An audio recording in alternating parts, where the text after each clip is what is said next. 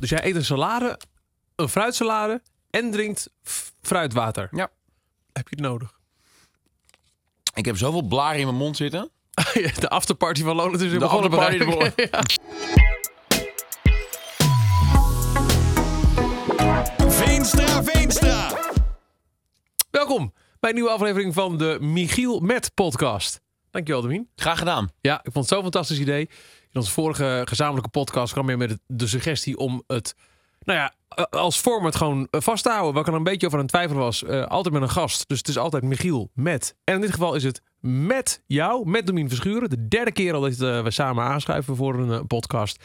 En nu ook met een heel duidelijke missie.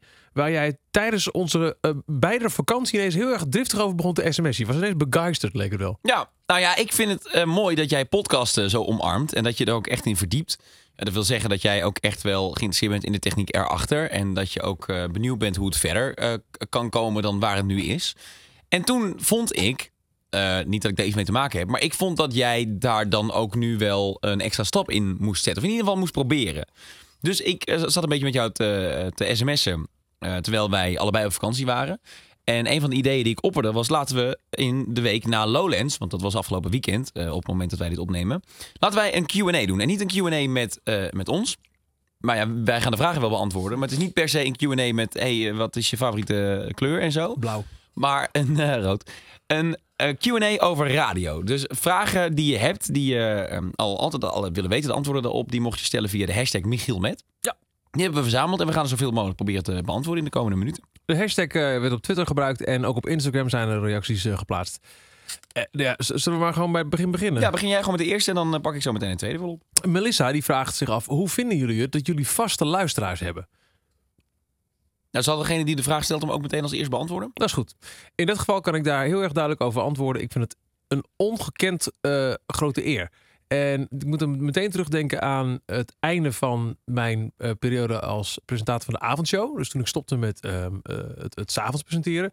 Want toen kwamen er zoveel echt, echt, echt eh, brieven. Mensen hadden werkstukken gemaakt, hele boekjes in elkaar gedraaid. En, en de mailtjes van bedankt voor het al die jaren eh, mij door mijn huiswerk heen helpen. En mijn examens helpen, helpen halen. En, en nou, je hebt altijd wel van, laat maar zeggen, de usual suspects. Mensen die heel vaak reageren. En dat gaat ook in, in fases. Zo kan eh, persoon X een paar maanden lang heel druk reageren op Twitter. En daarna ineens van de apenbodem verdwijnen, lijkt het wel. Maar dus, eh, die, die heb je altijd bij. Maar hier staan ook heel veel mensen bij waarvan ik de naam nog nooit eerder voorbij had zien komen. Die hadden nooit eerder een sms'je gestuurd, nooit eerder een mailtje. En dat waren dus ook vaste luisteraars. En daar sta je gewoon niet altijd bij stil op het moment dat je een programma maakt. Je kijkt je producer aan, je kijkt een beetje in de luchtledige, een beetje naar buiten. Of je kijkt schil naar je microfoon. En soms vergeet je nog wel eens hoeveel mensen er luisteren. En hoeveel mensen er dus waarde hechten aan jouw dagelijkse aanwezigheid. Dus Melissa, ik vind het heel erg tof. En in dat verlengde kan ik me nog wel ook uit jouw afscheid van de avondshow een kaart herinneren. Die heb je toen op Facebook gezet. Een kaart van, ik denk dat ze Anne heette, dat weet ik niet zeker. Ook een naam die ik nog nooit gehoord had. En Anne die schreef dat ze het echt wel moeilijk had met de Switch. En dat jij haar door haar eh, hele middelbare schooltijd hebt heen getrokken. Dat ze het volledig begreep en dat ze ook heel erg ging missen. En dat vond ik toen wel, dat vond ik heel heftig om te lezen. Ik dacht, wauw, wat ga ik eigenlijk doen nu in die avond? En eh, wat, wat mooi dat mensen zo eh, verknocht zijn aan je. Maar dat is wel wat avondradio en ook wel ochtendradio in een andere vorm met de luisteraar doet. Want je bent wel echt een, een vriend onderweg naar werk in mijn geval. En een vriend die eh, je de avond inleidt in eh, jouw voorheen geval. In ons voorheen Ja. geval. Ja. Ja. Zal ik een volgende vraag eh, doen? Doe eens. Even kijken. Ik, ehm, ja, eigenlijk de meest gestelde vraag, ik kan er allemaal namen opnoemen, die ga ik even verzamelen, is wat doen jullie nou eigenlijk de hele dag? ja, dat vind ik een goede vraag, want Krijg je thuis ook vaak te horen. het lijkt natuurlijk alsof wij op de radio zijn tussen 6 en 9 's ochtends en tussen 9 en 12. En dat we daarna naar huis gaan. Dat is ook zo. dus we gaan verder met de volgende vraag. Nee, was het maar zo'n feest. In mijn geval begint mijn werkdag om eh 5 uur. Dat wil zeggen, dan meld ik mij bij 3FM, 5 uur 's ochtends. Dan ga ik met het team, de, le- lees ik via Blendel alle kranten door. En gaan we overleggen over de actuele nieuwsberichten van die dag. Dus wat gaan we nog toevoegen aan het draaiboek dat de dag van tevoren al is opgebouwd. Dat is het uur tussen 5 en 6. Dan heb ik tussen 6 en 9 het radioprogramma. Dan tussen 9 en 10 meestal een uurtje dat we even rustig aan doen. Kopje koffie, een beetje nalachen. En, eh, Eigenlijk de lunchpauze. ja, ja, eigenlijk is het al meteen lunch, ja. Ja. Lunch met een bakje koffie. En om tien uur dan zijn we op de redactie bij BNN Vara. En gaan we praten over het programma van die dag. We gaan praten over de lange termijn. Op maandag hebben we sowieso een wat langere vergadering. Op donderdag ook. En dan kijken we naar eh, wat we eh, die dag gedaan hebben. Wat beter kon, wat eh, leuk was. En eh, daarna, om 11 uur, gaan we dus de dag voor de volgende ochtend alweer voorbereiden. Dus dan gaan we al kijken, wat wordt morgen het nieuws van de dag? Wat is het überhaupt voor dag? Is het een bijzondere dag? Is het Hot Dog Day? Moeten we daar iets mee doen? Is er iemand jarig die we moeten bellen? En dat loopt dan tot een uur of één, half twee. En dan vind ik het wel mooi geweest en dan rijd ik naar huis. Dus mijn werkdag is, als je het zo bekijkt, een normale 9 tot 5 baan. Maar dan van 5 tot, negen. half twee. Ja. Ja, Net de andere kant op. Ja. Eh, in mijn geval is het ongeveer vergelijkbaar als in dat je als je programma klaar is, dan hou je bezig met hetgene wat er de dag daarna gaat gebeuren. En dan is natuurlijk mijn programma veel minder afhankelijk, eigenlijk niet van eh, de- nieuws, de waan van de dag. Ik hoef geen belletjes uit te zetten of zo. Maar wat er dan wel gebeurt, eh, ik ben eh, niet een uur van tevoren al binnen. Ik ben meestal een kwartiertje of tien minuten voor mijn programma begint, ben ik binnen. Dus eh, tien van negen of zo. En eh, nadat ik mijn drie uur programma heb gemaakt om 12 uur, dan is het eerst tijd om met de muziekredactie, komen we zo op terug, want er zijn ook veel vragen over binnengekomen, de playlist van de dag erop samen te stellen. En dat gebeurt aan de hand van hun suggesties. Dat gebeurt aan de hand van mijn wensen slash eisen. Dat gebeurt aan de hand van eh, door items ingevulde tracks. Zoals bijvoorbeeld de 5 Essential Tracks. Daarvan weten we al. Nou, morgen moeten we iets draaien van Bruce Springsteen. Want heel erg belangrijk voor de War on Drugs. Eh, morgen moeten we dit draaien, want zit in Sample Tuesday. Dat zijn allemaal zaken. En dan vervolgens is het ehm, een kwestie van met die playlist de informatie bij zoeken. Bij mij hangt het weer heel erg aan de verhalen die je hoort bij de liedjes. Dus op de woensdag heb ik een Wherever Wednesday. Dat is een track gebaseerd op een locatie in de, in de wereld. Daar moet een verhaaltje bij gemaakt worden. Dat is een stukje proza. Eh, daar hou ik me mee bezig. En eh langere termijn dingen, ik noemde net al Five Essential Tracks. Ja, die moeten worden uitgezet. Daar moet een planning voor komen. Daar moeten vervolgens eh, artiesten voor worden geïnterviewd. En soms is dat overdag, soms is dat 's avonds, soms is dat een heel weekend lang op festivals. Ik heb denk ik minder vast omlijnd een eh 9 tot 5-achtig schema. Ik ben ook regelmatig wel eens om twee uur 's middags al thuis. Maar dan kan het ook best zijn dat ik inderdaad het weekend daarna weer heel lang werk. Of dat ik s'avonds weer opdraaf bij de Wisseloord Studios om Jacob Banks te interviewen. Ik heb geen flauw idee hoeveel uur ik precies maak in de week. Dat hou ik niet bij. Eh ooit gezegd, als radiomaker ben je altijd aan het werk. En dat is ook zo. Je doet altijd inspiratie op. Je leest altijd weer dingen. Je hoort altijd weer mooie verhalen. Of je denkt aan dit liedje. En het gaat mee. Maar het is dus zeker niet zo dat ik om 12 uur zeg... Oké, doei. Nee. Maar dat is ook wel een beetje het. ehm, aan de ene kant is dat het fijne aan het werk. Aan de andere kant, aan de andere kant is dat ook wel het lastige aan het werk. Dat het dus nooit stopt. Waardoor je eh, eigenlijk altijd met je werk bezig wilt zijn ook. Omdat Ja. het je hobby is. Maar dat is wat wat lekker. Het is helemaal niet erg. Nee, het is niet erg. Maar je bent wel ook... ehm, nou ja, we hebben zo'n groepsapp met heel 3FM. Die ratelt de hele dag door. Die ratelt nog door twee minuten voordat ik naar bed eh, ga. Voordat ik in slaap val. Eh, gisteravond bijvoorbeeld is het nog over vormgeving gegaan. Is het nog met de DJ's over de uursluiter gegaan. Die nu vandaag is aangepast. Ehm naar aanleiding van wat berichten gisteravond. Dus het gaat echt de hele dag door. Ja. En dat is te gek.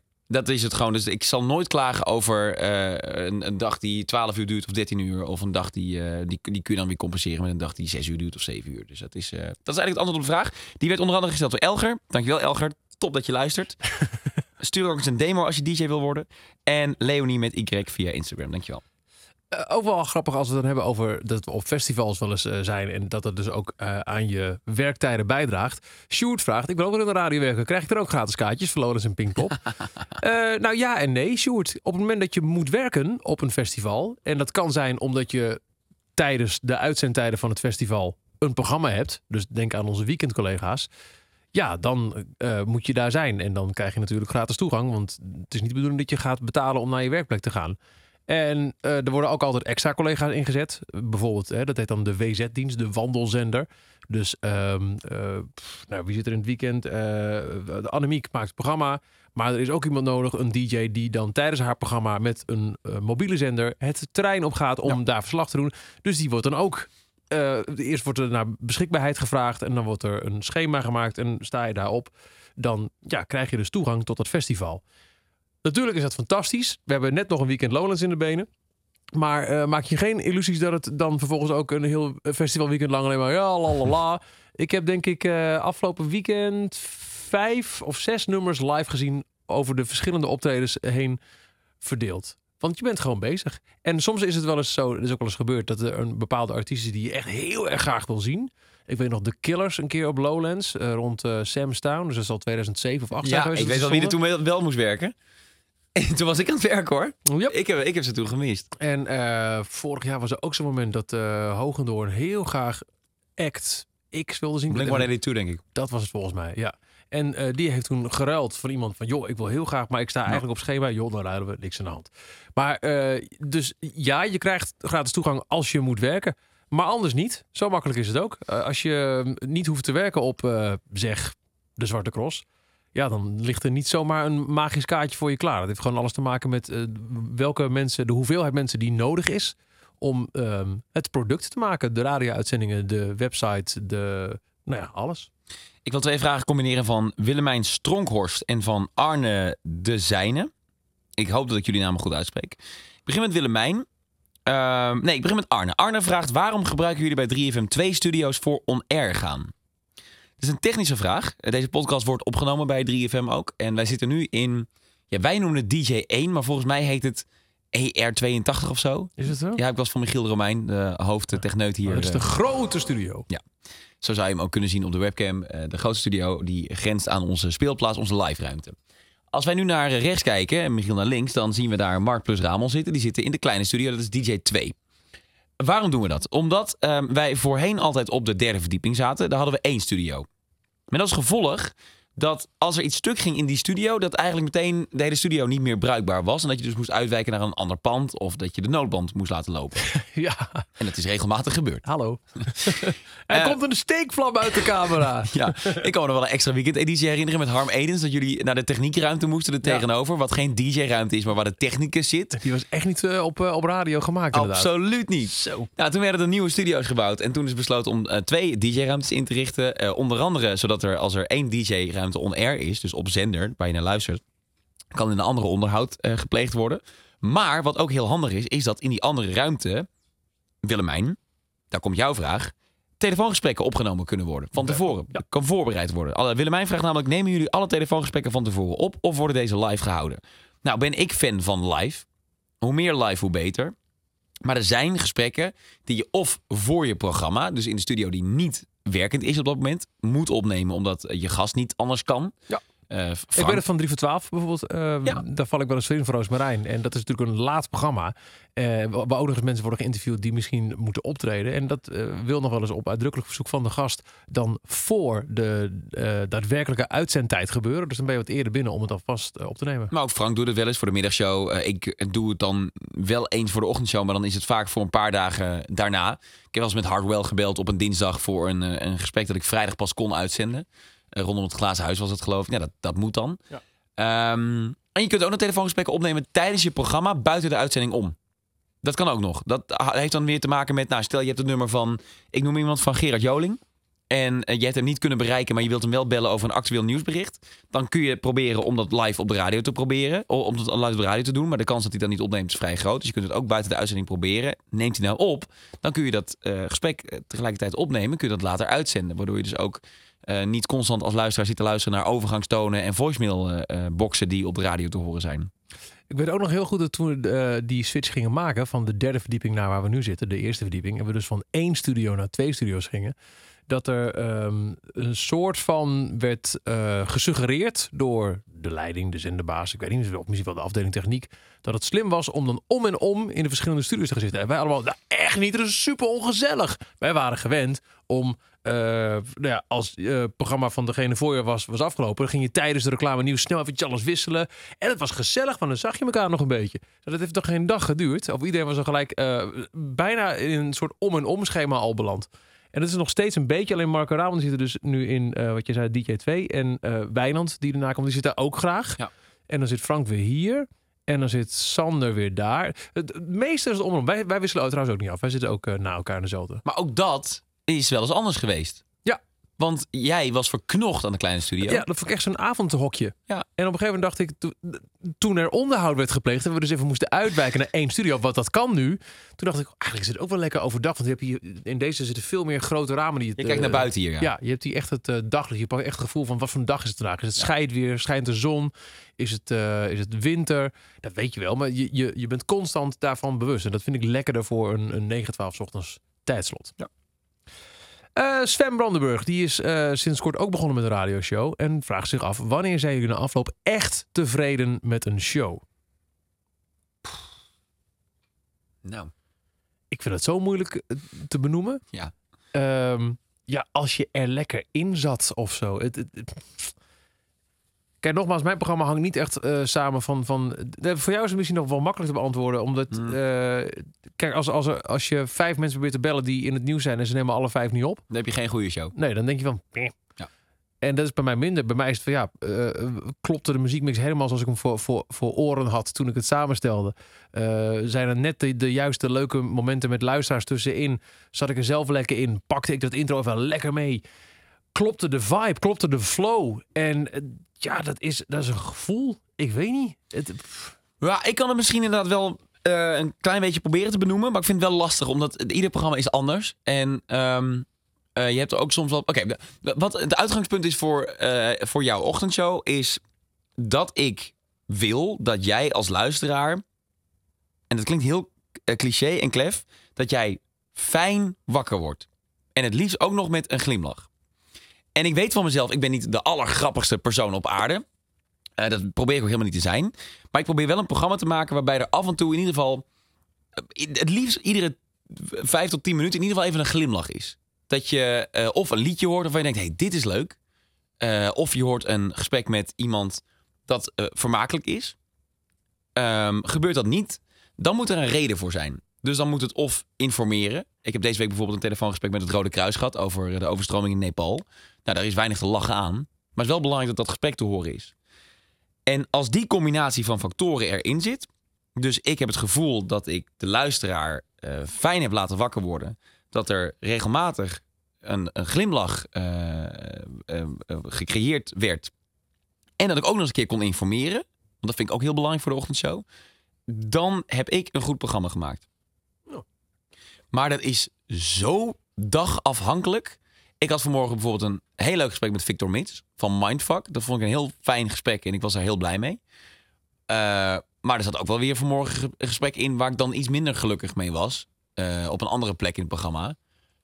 Maar dan nog die optelsom van die twee. En die gemeen, als ik dat door de twee deel, dan ben ik nog steeds wel tevreden over morgen. Alleen al vanwege het gesprek met Victor Mits en een aantal goede momenten die ik onder andere met Beam, eh, de nieuwslezer, had. Ik merk ook, nu ik over het nadenken ben, dat het ook wel heel erg ehm, ehm, voor mij afhangt van eh, reacties van luisteraars. Mm. Als zeggen, hé, lekker, wat ben je lekker aan het draaien? Ik ga er heel lekker op, ben lekker aan het hardlopen. Ik geniet. Wat fijn om die een keer weer te horen. Dat, dat geeft mij ook van, ja. Want het is, het is toch altijd maar afwachten. Ik kan wel eh, eh, alleen maar moeilijke juweeltjes gaan draaien. Dus van die liedjes die... hè, de- de- Kijk, wij zijn natuurlijk bovengemiddeld geïnteresseerd in muziek. Ja. Dus wij kennen ook bovengemiddeld meer eh, muziek dan de gemiddelde Nederlander. Misschien geldt het ook voor jou als je nu een podcast luistert. Want je, dan ben je kennelijk al een klein beetje eh, bovengemiddeld geïnteresseerd in radio. En ik zou, eh, als je het mij vraagt, zou ik misschien wel het allerliefst gewoon een uitzending willen maken met alleen maar flops. Alleen maar vergeten liedjes die niemand meer kent. Maar het is een reden dat niemand ze meer kent. En je wil ook af en toe gewoon lekker eventjes mindless meezingen, meeneurien. Eh, maar dan toch net eventjes dat ene liedje er tussendoor gooien en daar een, reactie krijgen hé, lekker, die lang niet gehoord, te gek, daarom luister ik 3FM.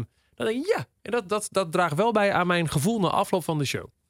Daarop inhakend. ehm, een vraag van Chris. Die eh, stelt de vraag: Je hoort vaak genoeg de hits van het moment. Over de hele dag vaak dezelfde platen. Waarom is dat en wie bepaalt dat? Er is zoveel muziek gemaakt in de wereld. En dan precies de nummers horen die iedereen al kent. Hoe zit dat? Is een kritische vraag. Eh, goed ook dat je kritisch bent. Maar dit haakt heel erg in op wat jij nu zegt, Michiel. Chris, als wij ehm 100% zouden draaien wat we zelf leuk vinden.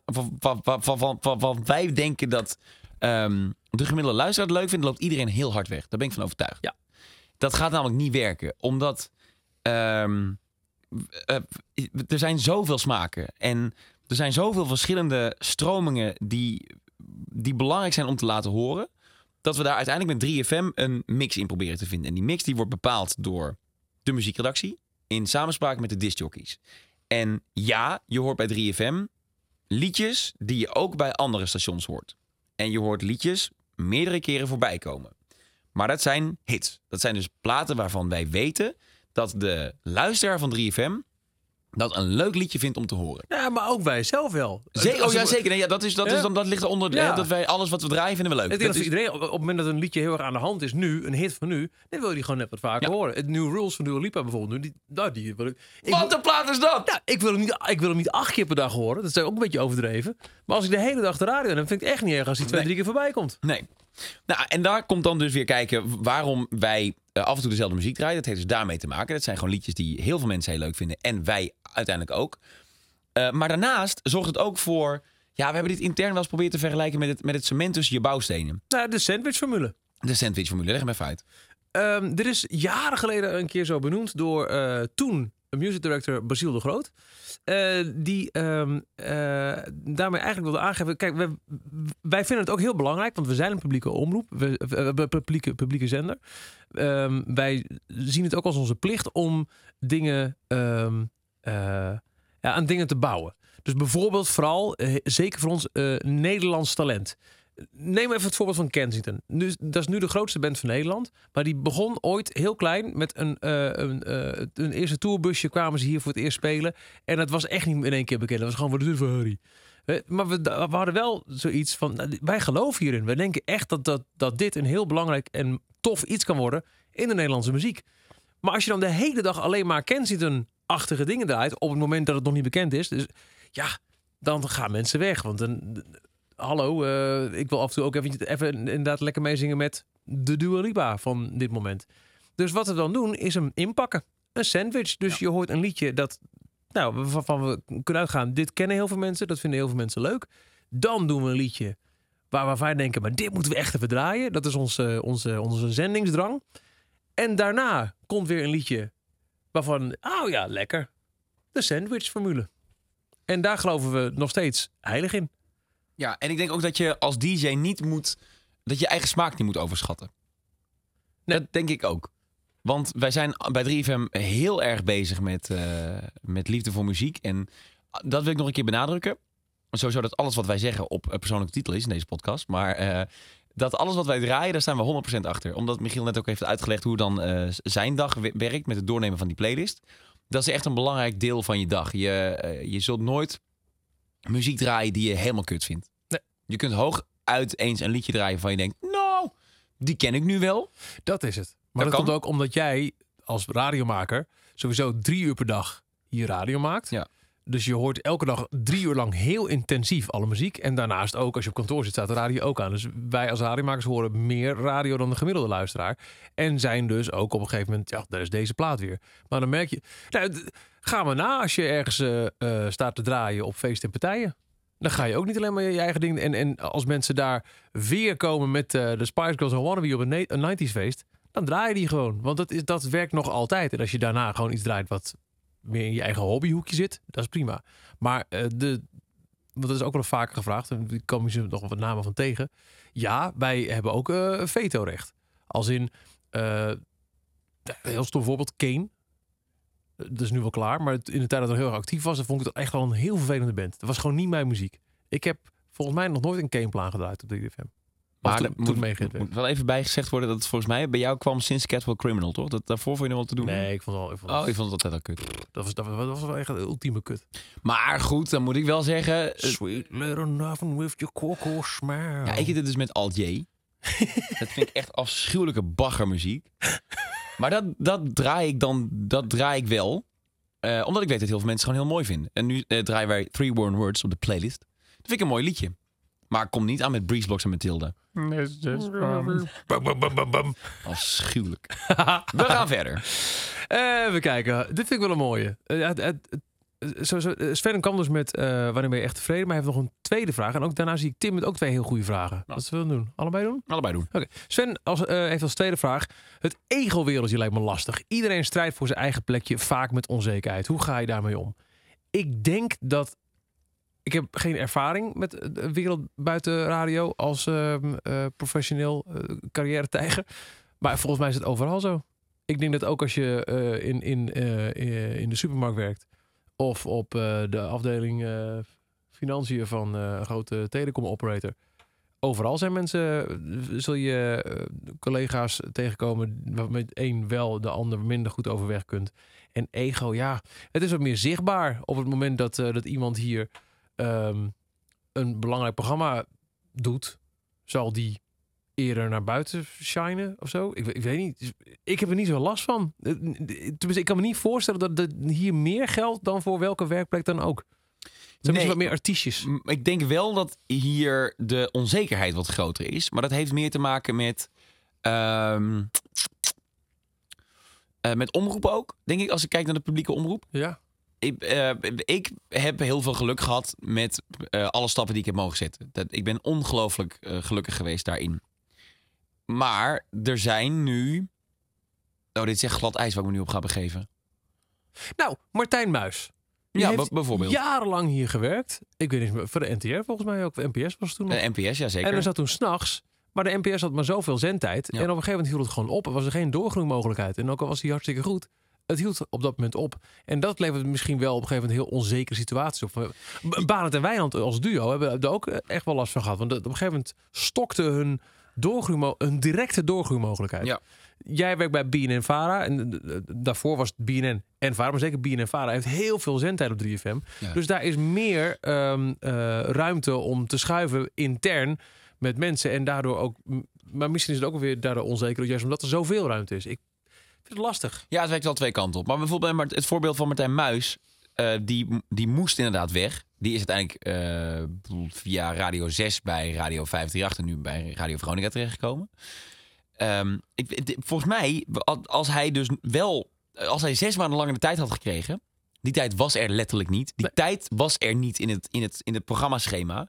Dan had hij misschien nu nog wel op 3FM gezeten. En het is, heeft dus niet met talent te maken, maar wel met de onzekerheid van de omroep waarvoor je werkt. Ja. En, dat is wel een klein beetje. Dat heeft niet dus zozeer met ego te maken.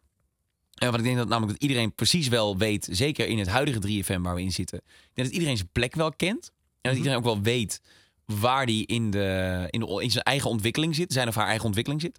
Dus dat je dan, als je dat eenmaal, als je dat eenmaal door hebt, volgens mij begint het ook heel erg bij jezelf. Daar hebben we het al in de eerdere podcast, vooral in, over mijn ontwikkeling hebben we het over gehad. Dat eh, ik op een gegeven moment rust vond. ehm, en dat ik ook wat beter kon accepteren dat bepaalde dingen wat langzamer gingen dan dat je zou willen. Nou, als je dat eenmaal te pakken hebt, dan, dan verdwijnt het ego op de achtergrond. Dan ga je naar het zenderbelang kijken. En als je dan je draai weet te vinden binnen het team en ook nog eens een keer op de radio, dan geloof ik vooral in talent en niet in omroepzekerheden. Klinkt dat heel zweverig? Nee, heel goed. En nog los van, van omroepzekerheden. ik zat te denken aan het voorbeeld dat los van alle omroepen 3FM gewoon ook heel lang een heel stabiele programmering heeft gehad. Giel, Gerard, nou Lunchwet was eh, Rob, Claudia. Daar is iets meer geschoven. Paul heeft er heel lang gezeten. Koen en Sander zaten er heel lang. Alles zat heel erg op slot. Dus als je als jong iemand in de nacht of in het weekend terechtkwam, dan duurde het heel lang voor je door kon gooien. Maar dat heeft 538 bijvoorbeeld ook heel erg lang gehad. Het heeft heel lang een super steady programmering gehad. Los van het feit dat we daar nou omroepen mee bezig zijn. Als het gewoon heel erg goed gaat en jij zit daar ergens. Je, je, je staat niet in die, in die A-selectie, zou ik maar eventjes eh, zo zeggen. Dan kan het soms voor je gevoel onevenredig lang duren voor jij je big break krijgt. Ja. En dat is, ja, dat is, dat is lastig. Het is niet per se eh, eh, ego, maar wel onzekerheid. Moet ik iets doen nu? Nou, ik kan ook wel doorpakken met Tim. Ja, zo, ja ik dacht dat je Tim nog ging doen, ja. Eh, ja, is goed. Eh, eh, dat zijn er dus ook weer twee, hè? Dus ik eh, pak wel Oh, die heel, heeft veel, ook weer- pak wel oké. heel veel shine nu, hoor. ja. Ja, toch een beetje er een beetje onzekerheid. onzeker. Tim op het broek, hoe zien jullie jezelf over pakweg 10 jaar in de radiowereld? Ik vind die vraag die hierna komt, die vind ik ook boeiend, want die heb ik net gezien. Ja. Eh, p- eh, ja, j- jij mag hem als eerst beantwoorden. Ehm, over 10 jaar zit ik denk ik niet meer op 3FM. Want dan ben ik 51. Ja, dat is wel mooi geweest. Dat is, dat toch mooi geweest, hè? Hoe oud was Rob toen hij hier stopte? Ik denk ook 51 zoiets, ja. Nou ja, misschien nog net. Nee, over tien jaar heb ik hier mijn afscheidsuitzending. Nee, ehm, ik, want die vraag is wel vaker gesteld in verschillende vormen. Hoe zien we sowieso de toekomst van radio? Ik denk dat radio eh, in de basis niet weggaat, zoals het nu is. Maar wel denk ik dat wat we nu aan het doen zijn, naast ehm, die ouderwetse lineaire radio-uitzending, dat er ook heel veel andere vormen van radio luisteren zijn. En dat heet dan on demand, of het heet een podcast, of het heet gewoon radio luisteren, waarbij je het onderscheid tussen live en opgenomen niet per se maakt. Maar ik, ehm, ik mag leidelijk over tien jaar nog steeds en toffe muziek eh, laten horen aan de mensen in een, in een live gevoel. En dat ik het over de meest uiteenlopende onderwerpen kan hebben. Verdieping in muziek, 5 tracks.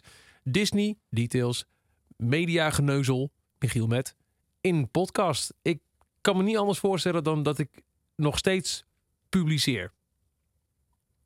Ja, moet ik hier nu nog iets aan toevoegen of mag ik gewoon amen zeggen? Nou ja, wat, wat ga jij over tien jaar doen? Ja, wat, oh ja, dat persoonlijk. Eh, Zou jij, mag ik een gewetensvraag stellen? Ja. Echt? Ja, zeker. Oké.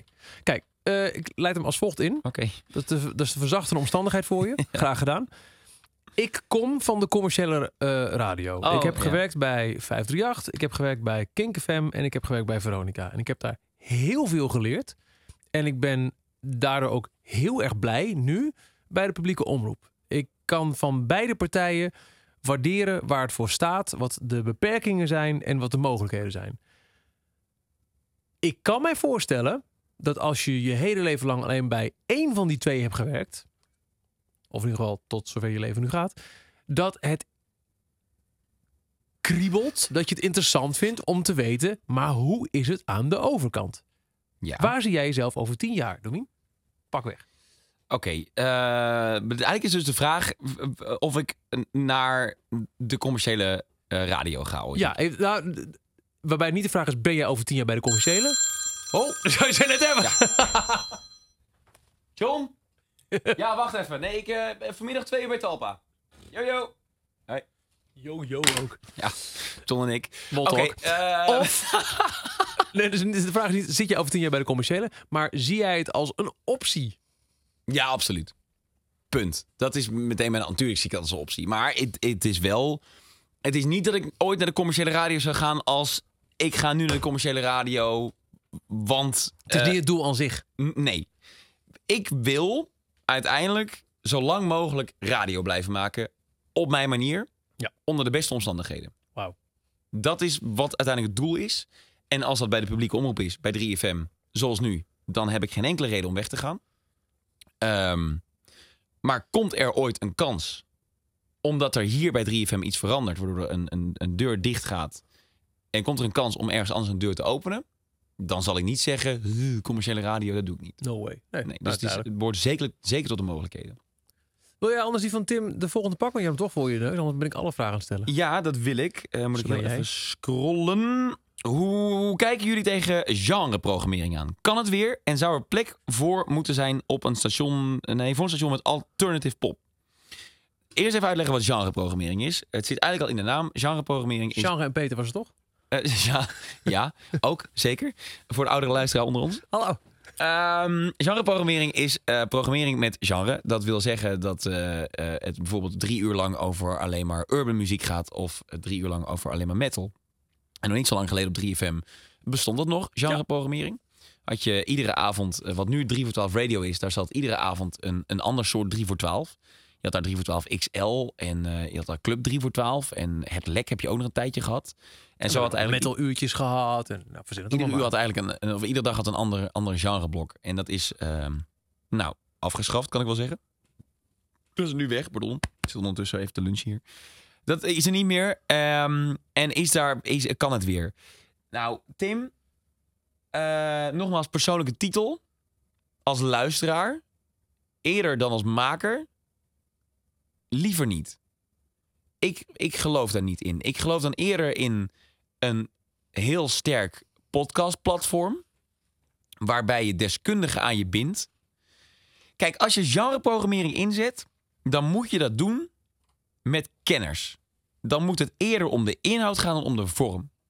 En als jij genreprogrammering inzet op een landelijk station, laten we zeggen 3FM, dan vind ik dat je daar ook nog eens een keer de verplichting naar je luisteraars hebt om het ook nog technisch en inhoudelijk kloppend te maken. Dat wil dus zeggen dat, eh, dat het ook nog beluisterbaar moet zijn voor mensen die misschien niet per se 100% geïnteresseerd zijn in het ene genre. En dat je toch aantrekkelijk moet houden. Dat je mensen moet verleiden om toch naar dat programma te luisteren. Dat kun je doen met inhoud. Eh, maar ik denk dat als je de druk van techniek bijvoorbeeld weghaalt... of van het heel smooth kunnen maken van een radioprogramma... en dat bijvoorbeeld op internet voortzet door middel van een podcast... dat het veel aantrekkelijker is. Maar dan zou ik dat wel doen onder de paraplu van zo'n groot merk, van een grote speler. Dan geloof ik heel erg in genre radio, maar niet per se op de FM. Ik denk dat daar misschien het medium FM voor verouderd is, omdat datgene wat je wilt, metal, hardcore, hardstyle, eh, slow jazz, dat kun je ook vinden op internet. En zet daar een poppetje op, wie dan ook, radioervaring of niet, die daarover vertelt wat hij of zij van dat genre weet, dan heb je volgens mij echt een, een, een killer van een genreprogrammering, maar dan niet op de FM, maar online. En dan wel 3FM Present, zoiets. Een Dat, een ik zou dat ja. heel erg tof vinden als wij een podcastplatform kunnen creëren. Nogmaals, persoonlijke titel. Als, wij de, als dat mogelijk is, waarbij we verschillende titels en genres een plek kunnen geven. En ook echt op 3FM kunnen zeggen in de app of op online. hey, hier haal je meer van de takkenherrie die jij lekker vindt, maar die je misschien niet op 3FM hoort. Daarop aansluitend ben ik er wel steeds meer van overtuigd dat ehm, radio wel, de, de ouderwetse eh, lineaire transistorradio, eh, dat die wel geschikt is om wat vaker gekke events te hebben. Dus dat er iets gebeurt. Zoals eh, hebben wij laatst op de dag dat het album van Ed Sheeran uitkwam, Mm, in mijn ja. programma het hele album integraal uitgezonden met er tussendoor de uitleg van Ed bij elke track. En dat was soms een uitleg van twee, drie minuten. Wat een heel gekke programmering was voor een 9-12 slot. Wat normaal heel erg, ja, nou veilig. Maar dat, dat moet ook beluisterd kunnen worden zonder dat je volledige aandacht erbij hebt. Nou, we hebben het ook over urgentie nu, hè? Dat, dat is het. Soms kan er ook iets gebeuren waardoor het inderdaad eventjes gekker is dan anders. En dat, dat, dat kan ook bijvoorbeeld de festivalpresentatie zijn. We hebben afgelopen weekend op Lowland uitgezonden. Ik heb daar zelf bijvoorbeeld tussen 12 en 2 's middags het programma van nagemaakt. Dat klonk redelijk als een normaal programma. Want mensen die gewoon een auto aan het wassen zijn op zaterdagmiddag... wil je niet alleen maar de moeilijkste dingen laten horen... met diepte-interviews en, eh, en live optredens van bands die, die niet... Met alleen maar live optredens van onbekende bands. Naarmate je in de avond gaat, kan het weer wel wat meer. Het, het, het, kan eventwaarde hebben. Maar verder ben ik het wel met je eens eh, dat, ehm, dat het hoofdzakelijk een, een plek heeft op eh on-demand. Ja, maar ook omdat on-demand en online is natuurlijk niet meer een, een, een weggeschoven iets. Want ik weet nog wel, ehm, in het begin, in het begin van online, tenminste echt de, de, de opkomst van online. Kijk, ehm, Je moest echt heel veel moeite doen om zoiets te kunnen beluisteren. ja, Echt heel veel. en de- het kostte geld. Che- Check de aflevering met Adam Curry. Dat was heel moeilijk. Precies, daar, daar zitten echt goede verhalen in. Maar ook ehm, iets als, als nou kijk naar Boos van Tim. Nou, bijvoorbeeld. Dat, eh, ik zag het gisteren nog, het heeft 300, meer dan 350.000 abonnees. Eh, zijn laatste aflevering, dat is eh, de aflevering waarop hij op zijn smoel geslagen wordt. Die is nu 1,4 miljoen keer bekeken binnen één week. Als Tim zeven jaar geleden had gezegd: Ik maak een programma op YouTube. Hadden mensen gezegd: Ah ja, je moet toch eh, leren voor tv. Ah ja, ja, ja. ja, je, zit, ja, je zit een beetje in het opleidingstraject. hè. Ah ja, ja. Nu is Tim meer bezig. Hij is ook wel bezig met tv. Maar nu is Tim zo'n beetje iedere dag bezig met zijn boos. Heeft een enorm bereik online. En dat telt meer mee, heb ik het gevoel, dan een programma op NPO 3. Ja. Waar ook relatief minder mensen naar kijken.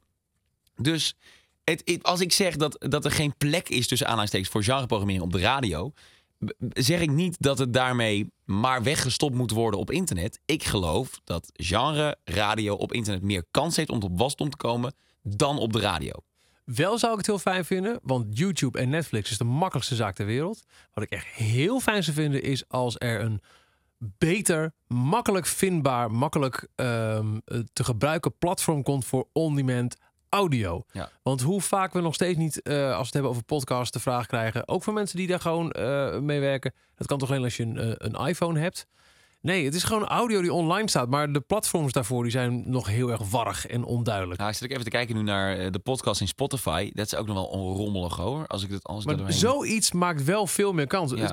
Spotify eh, laat no- nog te mondjesmaat Nederlandstalige podcasts toe. Ja, ik veel heb al du- duizend keer een, een aanmeldformulier ingevuld, maar je hoort gewoon niks. Terwijl ik weet zeker dat als eh, deze of mijn Disney podcast of Five Essential Tracks... Five Essential Tracks, hoe vet zou dat zijn? Dat je gewoon de interviews met, de- met de tracks tussendoor op Spotify of Apple Music kunt beluisteren. Zonder dat je weer gelijk denkt, oh ja, maar eh, podcast, moeilijk. Ehm, wel, ik zie daar ook een grote rol voor, voor een goede NPO-app. De eh, NPO Start, hè, de nieuwe naam van de tv-app, vind ik echt heel erg goed. Die werkt echt heel erg goed. Maar zoiets moet er ook zijn voor audio. Waarbij je zonder na te denken of je nou ehm, een, een iPhone of een Android of weet ik wat hebt. Of je nou op de klik nu hier voor live radio of klik nu hier voor dit programma. Met ook gelijk een, eh hey, dit vind ik interessant, hier wil ik meer van weten, abonneer mij. Of vond je dit leuk, vind je dit waarschijnlijk ook leuk. Dat moet gebouwd worden, dat moet er gewoon zijn. Eh, Als de, de ontsluiting van die prachtige wereld aan online audio moet duizend keer beter. En dan maakt genreprogrammering niet uit op waar het zit. Je beluistert het wel. Of je dat nou via, eh via 5G of via eh, FM of weet ik wat doet. Het is er. Dat is een eh, vrij duidelijk antwoord, denk ik, Tim. Dan een vraag van Taco Radzi.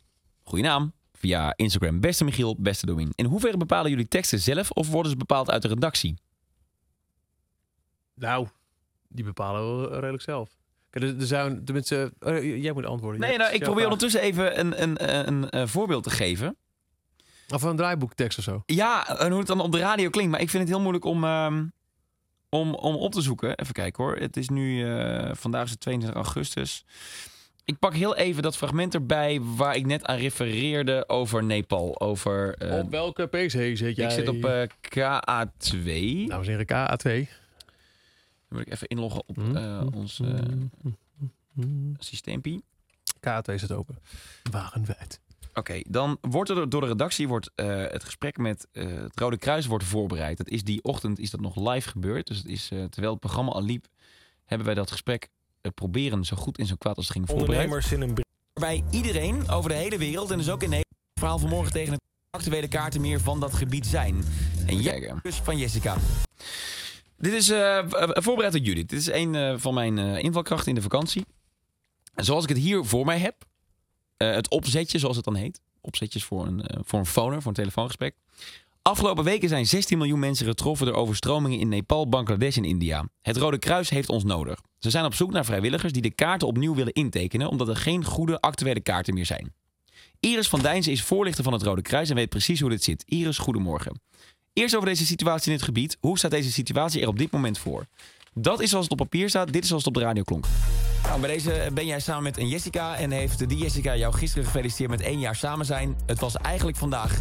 En bij deze schatje, ik hou van je. Dat Jessica dat dan wel zou zeggen als zij nu bij hem was. En dan even iets heel anders, want ehm, de afgelopen weken zijn 16 miljoen mensen getroffen door overstromingen in Nepal, Bangladesh en India. Het Rode Kruis heeft ons daarom nodig. En zij zijn op zoek naar vrijwilligers die kaarten, landkaarten, opnieuw willen intekenen. Omdat er geen goede actuele kaarten meer van dat gebied zijn. En jij, bij de radio, kunt daarbij helpen. Iris van Dijnsen, goedemorgen. Goedemorgen. Eh, Voorlichter bij het Rode Kruis. Ik kwam dit verhaal vanmorgen tegen het Algemeen Dagblad. Eh, Jullie hebben een platform geopend op jullie website rodekruis.nl. Waarbij iedereen over de hele wereld en dus ook in Nederland kan helpen met het redden van mensen. Zo simpel is het toch eigenlijk? Dat is dus uiteindelijk wat het op de radio wordt. Dus het, het heeft eh, in dit geval grote gelijkenissen. Ik denk 80%. Maar daarna ga ik eigenlijk een beetje freewheelen. En eh, ga ik op basis van de vragen die er staan, ga ik het gesprek in. Je, je, gaat, je voert een gesprek. En Dat je is hebt, het, ja. eh, je hebt wat, wat, wat, wat steekwoorden waar je wat mee kan. Ja, maar het dodelijkste is eh, het, het, het oplepelen van vragen die voor je neus staan. Dat, is, dat moet je gewoon nooit doen. Je moet ze vo- vooral voorbereiden, maar het... ehm, ja, ik wil hier nu niet heel erg de, de, van de brink gaan uithangen. Maar het belangrijkste bij een interview is luisteren. Ja, maar dat is wel waar. Want soms, eh, als je letterlijk namelijk al je vragen voorleest, dat is, was ooit een mooie sketch van Cote en Bie volgens mij. Waarbij, ehm, eh, zo, eh, hoe gaat het? Ja, heel goed. We hebben zojuist de beurs geopend. Om tien uur ging het open. was heel tof. Hoe laat ging de beurs open? Snap je? Ja, dat, dat, dat ja. Nou, voor mijn programma is het. ehm, eh, ik kijk echt on the fly of ik wel of niet iets. wa- wat ik roep, dat kan zijn. Oh, lekker weer. Of er komt zojuist een berichtje binnen. Eh, maar ik heb altijd dus eh, haakjes. Wat ik net zei, dat eh, aan de hand van een playlist wordt dan informatie opgezocht. Ik had vanochtend Katy Perry. En het staat dan puntsgewijs. Elk nieuw onderdeel uit informatie staat in een apart puntje. Zodat ik altijd kan invallen bij wat ik nog niet weet. De start van de Tour is uitgesteld. Haar Witness World Tour zou eigenlijk 7 te- september beginnen, maar is nu verplaatst naar 19 september. De reden, productionele tegenslagen. De data voor shows in de Ziggo blijven gelijk. Dat zijn allemaal zijn bullet points. En die gebruik ik ofwel of niet. Jij leest het één keer door en dan ligt het... weet tenminste, je het wel. Ja, en het li- ligt eh, voor mijn neus vooral omdat ik heel slecht ben in namen en feiten. Ja, data, dat soort dingen. Ik kan echt eh, dit hele introotje doen over Nepal en, en een minuut later vergeten zijn dat het over Nepal gaat en niet over weet ik veel welk land. Dat is, eh, bij mij is dat echt een heel groot probleem. Dus het ligt voor mijn neus altijd om op te kunnen terugvallen. En nou ja, soms, dat heb je ook, soms dwaal je gewoon af in een interview en denk je opeens, god, dat, ik vanmiddag nieuwe schoenen gaan kopen? heb ik echt wel eens gehad. Nou, niet per se nieuwe schoenen, maar dan... Daar is Nepal, ja. Nou, nee, dat niet. Maar Nee. dus zat, ik in een, zat ik in een gesprek. En dan dacht ik, ik vind eigenlijk helemaal geen boeiend gesprek. Maar ik ben, dan ben je pas 30 seconden bezig. En dan hoor je op een gegeven moment dat je, dat je gesprekspartner klaar is met praten. Oké, puntje twee, Ja. vraag stellen. En dan maar hopen dat dat net niet gezegd is. En dan hoor je vaak ook nog wel, nou, zoals ik al zei net. Oh ja, kut. Ja. Dus dat, ja, Ah, soms dwaal je wel eens af. En eh, ook eh, dat je gewoon technisch bezig bent, terwijl iemand aan het praten is, dat je toch echt eventjes eh, op de voorafluistering een het begin Oh, ja. van het volgende liedje moet Ja. beluisteren. Of, of, Ja. of van een, een fragment er is klaargezet. En ja, daardoor hoor je soms niet wat er gebeurt. Dat gebeurt ook wel eens. Ehm, Jordi vraagt de grootste verschillen tussen ochtend- en avondradio. En Teun zegt gewoon ochtend- of avondradio. En waarom? Nou, we hebben ervaring met allebei. We hebben allebei een paar jaar lang de avondshow gedaan. Tussen eh, 7 en 10, dan wel tussen 6 en 9. En nu doen we op een ander soort manier de ochtend. Jij echt de ochtend-ochtendshow. En ik dan het ochtendblok tussen 9 en 12. Ja, zeg maar. Nou, we, we kunnen het gelijk vragen aan een paar andere radiomakers die binnenkomen. Jordi Warners, goedemiddag. Hallo. Bekend van de podcast voor Dummies. Hallo. Ehm, ochtend- of avondradio? Hallo Ruben. Heb je nou iets in je mond? Ja, ik zit nog steeds mijn fruitsalade te eten. Oh, oké. Ochtend- of avondradio? Ja, maar moet ik de verschillen eh, duiden of moet ik nu zeggen wat ik het leukst vind? Dat. Oh, jezus. Ja, ochtendradio. Ja? Ja. Nee. Weet ik niet. Oh, wat een vreselijke vraag is dit. Oh, eh, nee. eh, ehm, ehm. nou, vraag me over twintig jaar nog eens een keer. Nee, nu ochtendradio. Ik zou nu... Ik zou nu niet meer terug willen naar de avond op dit moment. Dat zou ik nu niet meer doen. Omdat ik nu de kick en de thrill van ochtendradio ken. En jij? Met je hoofd. Nou, ehm, ik vond, vond avondradio sowieso echt te gek. Want je hebt daar en de ruimte om super strak te gaan. 9 tot 5, gewoon bam, bam, bam. En ook eh, verdieping met, met, met echt gesprekken die ergens over gingen. Of, of eh, de thema-uitzending over de Noordpool of verkiezingen, verzin het allemaal. Ja, die rust was heerlijk. Ja, Dat je die kon pakken. en, en ook gewoon gekkigheid. Ook gewoon eh, pff, chaos. En wel zien of je een plaat of niet instart. Ja. Dus dat vond ik heel erg tof. Ehm, eh, op een gegeven moment dacht ik wel, na acht jaar, deels privé. Ik wil nu ook weer een keer gewoon s'avonds thuis zijn. En ehm, ik zou het ook wel leuk vinden om nu wat meer voor, voor meer mensen radio te maken. Avondradio is voor ehm, een relatief kleinere groep, maar die mensen luisteren wel veel aandachtiger over het algemeen. Je bent echt veel meer, heb je een intieme band met, met je luisteraar. En 's ochtends zijn het meer mensen die ook wat minder aandachtig luisteren, want er moet ook gewerkt worden of zo. Dus dat vind ik nu heel tof. Ik zeg nu wel, na bijna, wat is het? Vier, drie jaar? Ochtend? Eh, 2014. 14. Bijna vier jaar. Dat ik nu wel op een gegeven moment wel weer iets meer de breedte in zou willen met wat ik kan als radiomaker. Maar daarom zit je nu ook hier op je podcastplatform. Bijvoorbeeld. Bijvoorbeeld. Dat is absoluut, eh, speelt dat wel mee. Eh, ja, dus dat. Nou, hiermee is ook eigenlijk wel een, groot deel van de vraag beantwoord. Wat is het grootste verschil tussen ochtend- en avondradio? De tijdstippen. Tijdstippen. Ja, Maar, eh nou, dus ook het ik drink weinig bier 's ochtends. Dat, is, ja, dat, Dat mis is ik wel heel erg. En ik heb Ja? nu een vijfdaagse werkweek. Dat vind ik ook wel balen. maar ehm, eh, ja, dit- je luisterpubliek is echt anders. Maar wat ik ook, en dat, is, dat klinkt misschien heel gek. Wat ook echt anders is, is... ehm, ja, hoe ga ik dit nou weer goed... Oh, dat was een mooie. Ehm, ja, maar dat wordt een goede omdat ik het heel fijn vind. En dat ga ik uitleggen. Eh, budgetten. Budgetten zijn anders. en het heeft niks met mijn salaris te maken. Maar het heeft wel te maken Help wel. met, Nee, het heeft te maken met de dingen die je kunt doen. Ik heb het afgelopen jaar al zoveel toffe dingen kunnen doen. Ja. Omdat ik een ochtendprogramma maak in plaats van een avondprogramma. Dat heeft ook simpelweg te maken met ehm, ander soort spotlight waar je in staat. Je bent interessanter voor een RTL Boulevard van Shownieuws. Die campingtour bijvoorbeeld, dat, dat kost natuurlijk gewoon wel geld. Ja, dat er kost moet een camper worden ge, ge, ge- gecheft en gepimpt. Er moet een studio in en er moet Ja. dus een, een live verbinding worden betaald. En dat, dat, zijn- dat zijn kosten. En nou ja, leg zelf maar uit waarom het wel in de ochtend of niet in de avond gebeurt. Nou, dat kan wel in de ochtend, omdat eh, een ochtendprogramma interessanter is voor andere media. Eh, dat betekent dus dat je uiteindelijk eh, zichtbaar bent in een RTL Boulevard. Wat wel handig is om mensen naar je radioprogramma toe te trekken. En dus naar je radiostation. Eh, en er komt nog eens een keer bij dat je ook eh, als ochtenddiscjockey ben je ook, ehm, nou onder andere door een RTL Boulevard ben je ook bekender bij een groot publiek. Waardoor het ook eh, goed is, tenminste dat vindt BNN heel erg, dat we ook dit soort dingen doen om naar de mensen te gaan. Dat is ook een van de vragen die werd En je bent gesteld. gek op mensen, dat scheelt. Ik ben echt, ik ben echt een mensenmens, ben ik. Er werd een, vraag gesteld door, ja, dit kan ik natuurlijk nooit meer vinden. Waar ging die over? Zeg maar. Over face-to-face contact. Dat- oh, ja, die heb ik ook gezien. Was Of, het of het jammer vonden. Ja, gevonden. Bovenin, dacht ik. Ja. Door eh, Lila Jessica. Die stuurde: Vinden jullie jammer dat het contact met de luisteraars niet vaker face-to-face is? Nou, daar heb je dus dan bijvoorbeeld zo'n campingtour voor. En je bereikt maar een, een heel klein percentage van je luisteraars. Maar er zijn wel mensen die. ehm, eh, in het beste geval, je, zij sluiten jou in, in hun hart, tenminste als je het goed doet. En je krijgt weer te horen wat mensen van je station vinden. Ja. Want reken maar dat mensen op een camping, zoals ik dan de afgelopen week beleefd heb, die zijn eerlijk hoor. Die hebben de tong wel op het, op het hart liggen. Nee, andersom, het hart op de tong liggen. Dat zou gek zijn, zeg. Je tong hart op de tong liggen. Die zeggen Laat wel, nou het hardlopen, het is me wel eens gebeurd hoor. ja, dat heb ik gezien, die foto's. ja, ja. Dus dat, eh, dat zorgt er wel dat je, ervoor dat je ook eh, echt in direct contact komt met mensen. Dus dat wil ik nog even één keer weer terugkomen op eh, waarom budget dus anders is. Het werkt dus twee kanten op. Het werkt eh, de kant op dat eh, eh, je toffe dingen kunt doen voor je luisteraar. als in een campingtour, waardoor je dus ander soort radio kunt maken. En als het goed is, vertaalt dat zich dan weer voor de omroep in ehm, eh, een marketingwaarde. Dat ik een heel lelijk woord vind. Maar een reportage in RTL Boulevard of een krant die langskomt om wat foto's te maken. En dat is ook, ja, dat is echt een verschil. Als je dan toch een eerlijk antwoord wil hebben, dat is ook een verschil. En ik rijd Ehm, tegenwoordig een grotere auto. dat is niet waar trouwens. Dat is echt niet waar. Nee, hij is nog niet geleverd. Eh, Jaron vraagt: hoe zijn we jullie programma's de rollen verdeeld onder de DJ en producer? Wie doet precies, eh, wie doet wat precies voor, tijdens en na de uitzending? Dat is heel grappig. Ja, dit is leuk. eh, ja, want Dit Ruben is is, leuk. binnen.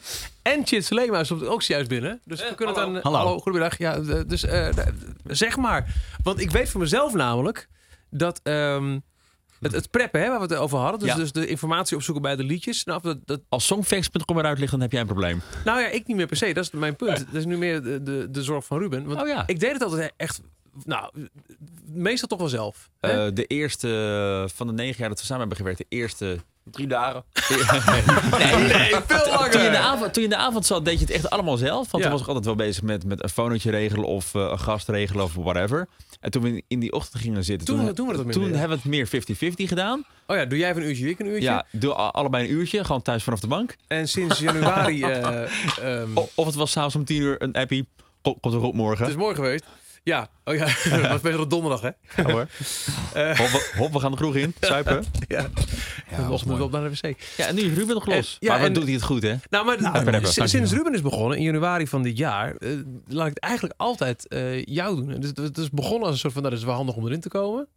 Ja. Maar ik heb het ook niet meer teruggepakt. Maar ik ben nu ook aan het podcast en zo. Hè? Ja, je bent een druk man. Ja. Ik neem wel graag wat dingen uit je handen. Nee, maar ik vind het ook leuk om te doen. Maar, vertel, maar dus de vraag is, wie doet wat precies voor, tijdens en na de uitzending? Als jullie dat eventjes beantwoorden, dan... eh, nou ja. Ruben.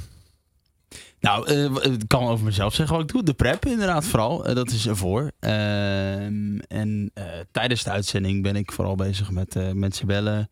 Zorgen dat ze leuke audio-appjes inspreken. Eh, ik haal de koffie, ook dat nog. En vooral ook heel veel dingen eromheen. Een lange termijn project. Ik doe natuurlijk met het programma heel veel Five Essential Tracks. Waar ook echt heel veel dingen bij komen. Ja, de- je moet natuurlijk contact hebben met allerlei mensen in de muziekwereld. Hoeveel mensen werken er voor jouw programma? Eh, dat is een beetje raar, want we hebben bij de NTR al eh, jarenlang eh, dat ook heel veel mensen via detacheren eh, in dienst hebben. Dus dat is iemand die, zit, die is dan wel in dienst van de NTR, maar is hoofdzakelijk werkzaam voor ehm, eh, bijvoorbeeld de online redactie van 3FM. Als ik eventjes nu kijk, ik heb geen vaste, zeker geen voltijds vaste vormgever. Jona, die werkt voor VHU. Hey Jona! Hallo! Die is een, een soort van hier. wel, wel eh, toegewezen op mijn programma, maar doet het niet vol tijd. Ehm, Ruben, die is er sowieso elke dag. Ja. Die produceert. En Julia, die is dan weer gedetacheerd vanuit 3FM voor eh, ook het live blog, hè, wat we nog steeds hierbij houden. Omdat, eh, omdat alle programma's en omroepen en zenders en, DJ's. Iedereen had, zijn eigen Twitter of Facebook of Tumblr die die riepen. Ik heb hier een leuke foto, ik ga even naar. Waardoor je echt duizend verschillende URL's per dag hoorde. Dus op een gegeven moment gezegd, jongens, één plek. 3fm.nl steeds live, daar staat het. We zitten, er zit gewoon iemand bij de uitzending die het allemaal bijhoudt. Maar los daarvan is Julia ook eh, vooral heel erg veel bezig nu met, eh, nou, met het uitschrijven van zijn Five Essential Tracks. Als we een interview opnemen, dan maakt zij daar een artikel van. En dus ook echt helemaal... eh, god, wat wordt er ook weer? Nou, Transcriberen. Dank je. Transcri- transcriberen van wat er, eh, wa- wat er is gezegd. Ehm, dat, dat zijn echt de, de vol tijd Ja. voor het programma echt. Maar ik moet ook zeggen, het is best wel. eh, eh, het loopt ook wel elkaar over. Want als ik bijvoorbeeld een keer een dag niet kan of ik ben er niet, dan kan Julia ook prima gewoon hier de mensen bellen in de studio. en Zo. Dus Ja. we kunnen ook wel, wel eh, zeg maar de taken best wel verdelen. Nou, ik, ik, ik merk dat ik het heel erg verantwoord. We hebben ook wel eens eh, gehad, dan hadden we een, een, een, een afdelingsetentje voor het, eh, het 10-12 programma. Dan zie je, zie je bij wijze van spreken negen mensen bij de Negen Japaner zitten. Ja, ongekend. Terwijl ik weet, er is, het is maar een fractie van wat ieder in, in zijn of haar werkzaamheden doet, dat echt voor het programma is. Want dat, dat slaat natuurlijk heel nergens op. Maar dat is het. Het is het programma en Five Essential Tracks. En dan werken denk ik dan drie, drieënhalf mensen vol tijd Ja. op. Maar daarnaast zijn er ook nog meer mensen die heel veel andere dingen erbij doen. En uiteindelijk met meer mensen op één redactie help je elkaar ook wel. Want toen jij Dominus wakker deed, ehm, dat deed jij, ik deed je productie. Maar feedback kregen we ook van Umar- Marisha, van jou, van, van Lois, die toen nog eh, een andere functie had. Ja. Dus uiteindelijk op een redactie, zeker een, een grote BNN-vadervloer, daar help je elkaar altijd wel. Je, Ja. je, je hebt je eigen eilandje, Ja, precies. maar je kunt altijd sparren met anderen. En Ja, dat, dat- maakt het dat- zo tof. Dat waardeer ik ook heel erg aan BNNVARA. Dat, Ja. het, dat het zo'n grote club is. Ja. En dat we heel veel programma's maken en dat je ook heel erg kunt sparren. Waar we stiekem ten tijde van de NTR best wel eens jaloers op waren. Hoor. Ja, Hoe- zeker. hoe- Nou, er is een heel lekker sfeertje daar. het, het sparren daar op die redacties is, Ja. lijkt me zo te gek. Dat is weer het nadeel van al die, van die, die rare aparte omroepjes. Ja, het liefst zit je natuurlijk gewoon met z'n allen bij elkaar. Ja. Gewoon, gewoon een joghok. Ja, dat zou het lekker zijn. Eén groot productiehok. productiehok. eh, ja, Ja, ik dat ben weer blij dat de NTR, die heeft al sinds, sinds jaren en dag gezegd, joh, je hoeft eh, de redactie van, van mijn programma zit niet bij de NTR in het pand, maar in het pand waar de studio van 3FM zit. En dat vind ik heel lekker. Dus ik heb gewoon één werkadres. Ik ga naar één voordeur, ga ik naar binnen en ik ga ook weer naar buiten. Ik hoef niet van de redactie in de auto te stappen naar de studio. Want natuurlijk, dat is zo'n achterhaald iets. Maar aan de andere kant is het wel dat die NTR-redactie, die zit daar in een, in een, in een kantoor. Ehm, en ik heb, los van het feit dat, dat er de hele dag door bij 3FM, toen wel andere programmamakers binnenlopen, zitten we niet met, met andere DJ's op één kantoor. En u bent? En u bent? Oh ja. Ja, dit is een heel interne grap. Nou, die, die mag jij nog hier uitleggen aan het einde Nou ja, van je ik, ben, podcast. ik ben wel eens een keer inderdaad bij de NTR binnen geweest voor onver het een of ander. En toen, dat ze geen idee hadden wie ik was. Ja. Dus zo gaat dat. Toen heb ik een Pino-pak aangedaan, toen ging het weer goed. Ja, bij, mij, Oh, dat was je. bij mijn programma ligt het allemaal weer iets anders. Want eh, ja, dus een ander programma, andere inhoud. Eh, mijn team is ook iets groter. Heeft ook weer met die budgetten te maken. Maar het is ook gewoon, gewoon inhoudelijk dat je een ander programma maakt. Dus je hebt meer slagkracht nodig. ja, is ook zo. Ja. Ehm, ik bemoei me helemaal niet met productie. Dat wil zeggen, ik, eh, ik ben er ook gewoon niet goed in. Ik, ik kan echt heel goed smiddags met eh nou, Joshua van Chef Special bellen. Heel leuk gesprek hebben.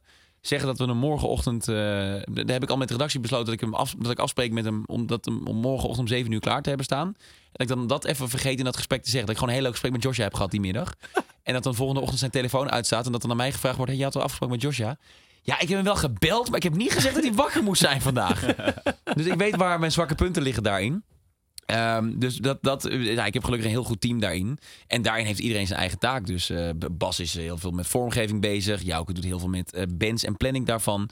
Eh, Lisa die begint wat later op de dag, waardoor ze weer wat langer kan doorwerken als wij al naar huis zijn smiddags. Eh Puk die, eh, die leest wat meer het nieuws. Eh, dan heb je nog Arjan die zit op online. En zo zit iedereen op zijn eigen stoeltje eh, dat programma inhoudelijk te produceren. En dat, als je dat goed doet, zeg maar als je de taken goed verdeelt, dan ehm, eh, alleen dan loopt het ook eh, echt gestroomlijnd. Maar als iedereen maar wat doet, zodat nie- niemand echt precies weet waar hij nou voor op de redactie zit, maar gewoon lekker zijn contractje uitzit. ja, die mensen heb je ook bij de NPO.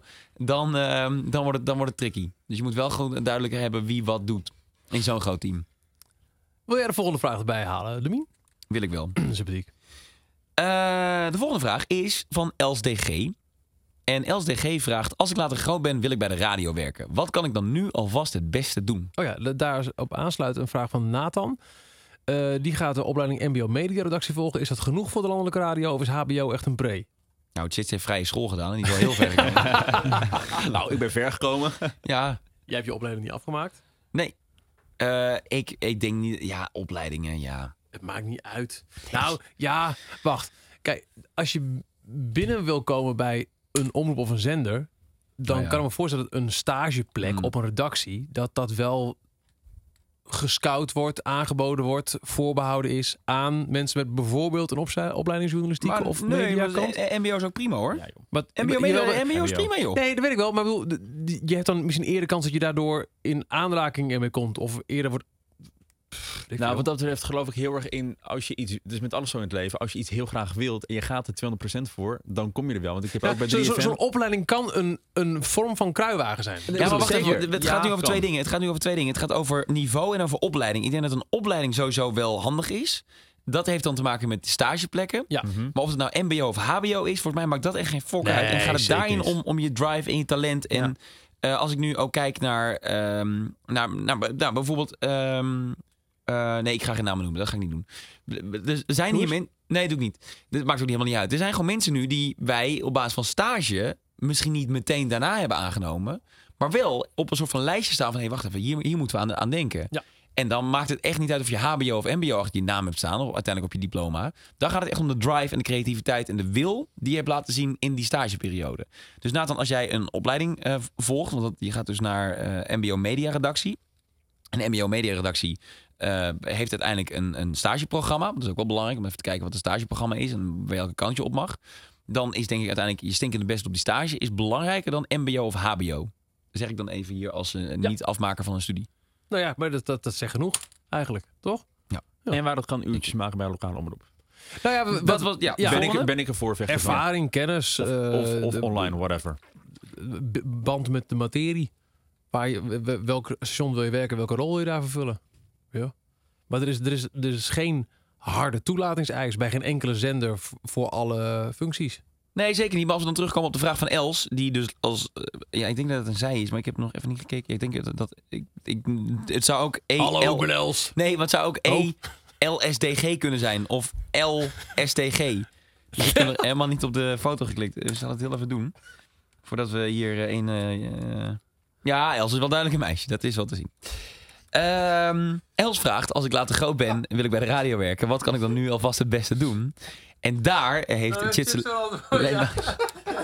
Wat is dit? Wat gebeurt er? Ik heb mezelf ook lekker omhoog gewerkt. Hè? Ja, dat, maar ja, dit- wat jij terecht zegt, dat is gewoon vlieguren maken. Ja, maar dat hebben, we kennen elkaar heel erg goed. We hebben toch, Ruben, Michiel, Do, ik, we hebben toch allemaal die uurtjes gemaakt bij de lokale omroep? Ja. Ja. Jij zit nog steeds bij Oogradio, toch? Of niet? Ja, nog steeds. Al, al sinds 1996 ben ik niet weg te slaan, jongens. In het weekend voice tegenwoordig wel. Ja, Ja, toch met je wel. koffietje Ja. met MD's. Ja. ja, je lacht, maar het was wel zo. Ja. En eigenlijk cassette recorder om het op te nemen, want het was geen logger toen. Maar goed. En wie weet dit, jongens?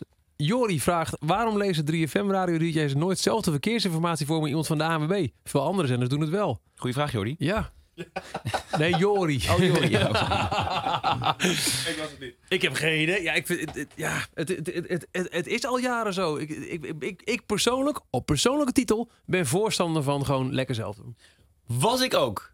Totdat... Totdat, totdat ik, ik ga weer geen namen noemen, op een ander station een, een vrij jonge discjockey. Hij staat erbij. hè. Nee, dat niet.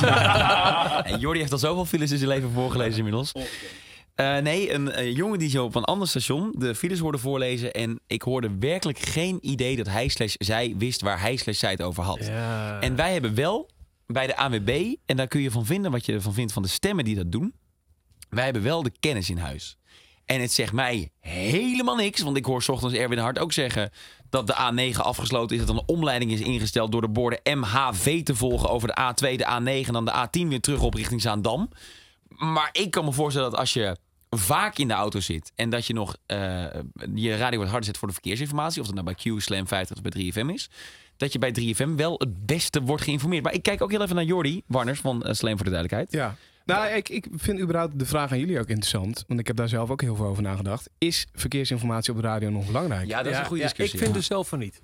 Ik zit er ook heel erg aan te twijfelen. Als ik, ik ben geen vaste dagelijkse autorijder. Maar als ik in de auto stap en ik wil weten, staat het hier vast? Dan heb ik daarvoor een app en ik heb een navigatiesysteem die me dat perfect kan uitleggen. Ja. En ik weet gewoon echt niet vaak op welke weg ik rij. Zeg ik, Ik ook niet, ik heb geen idee. En zeker niet bij welke op de hectometerpaal. A2. Te- Ik heb geen idee. Ik wil gewoon een rood vlak Oh. zien op de weg voor mij. Zo erg. Ja, maar dat is, dat is, dat is echt de, de werkelijkheid. Wat ik gewoon lekker vind is dat het vier minuten minder werk is per uur. Dus dat, eh, dat is... Nee, dat ja, maar ook een, eh, bij een, een, een heel dikke vette avondspits. Ja, je bent wel een paar minuten...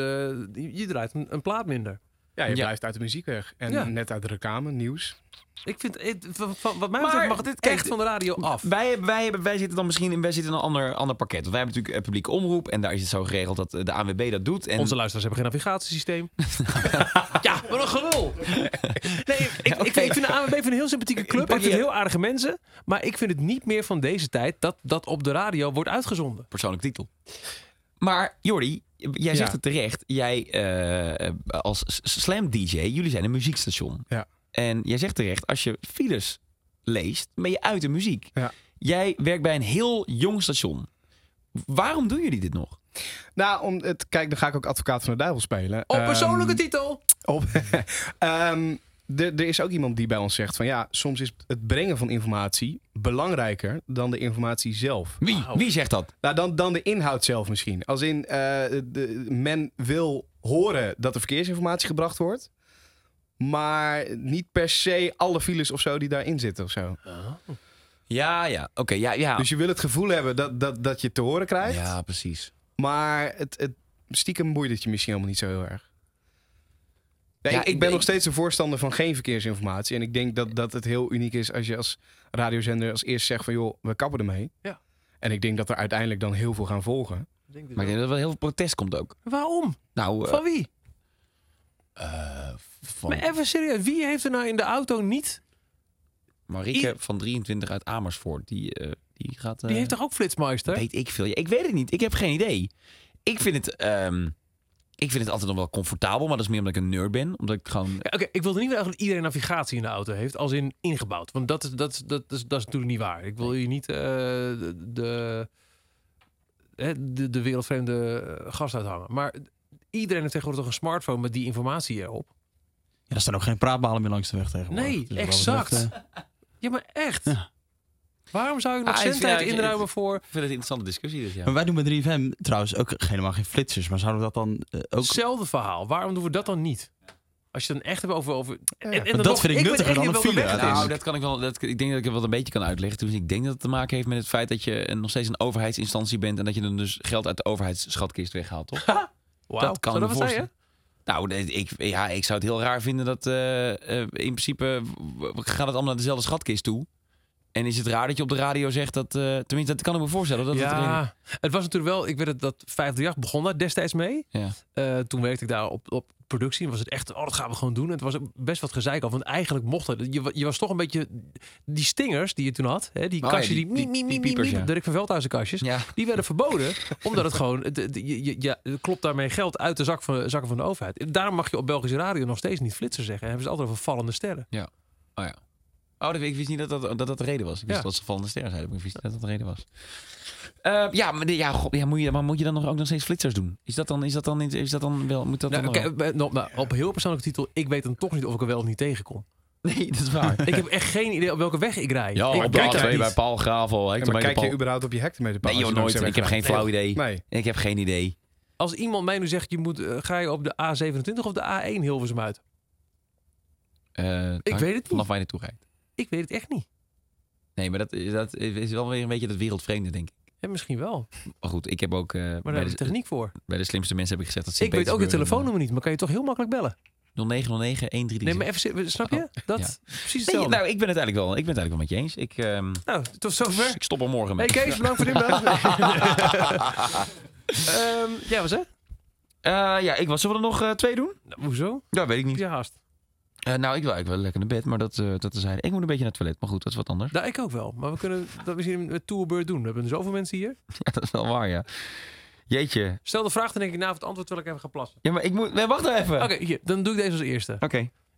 Ah, nee, ik ga niet passen. Ik vind een veel te interessante vraag dit. Van Job Vallend. Ervaren jullie als DJ's van 3FM veel druk? In de media wordt vaak genoeg gezegd dat 3FM helaas zo slecht beluisterd wordt. Ik kan me voorstellen dat het voor een bepaalde druk bij de DJ's zorgt.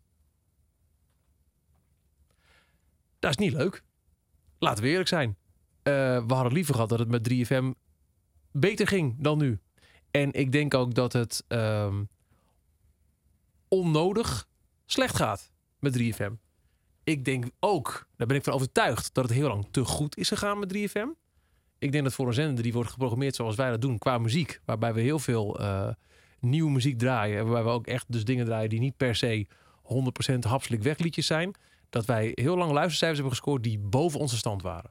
En dat hebben we ook altijd hier intern gezegd. We hebben nooit een feestje gevierd met hoge luistercijfers, omdat we dachten, jongens, dit is niet waar we voor in het leven geroepen zijn ook, sowieso, als publieke zender.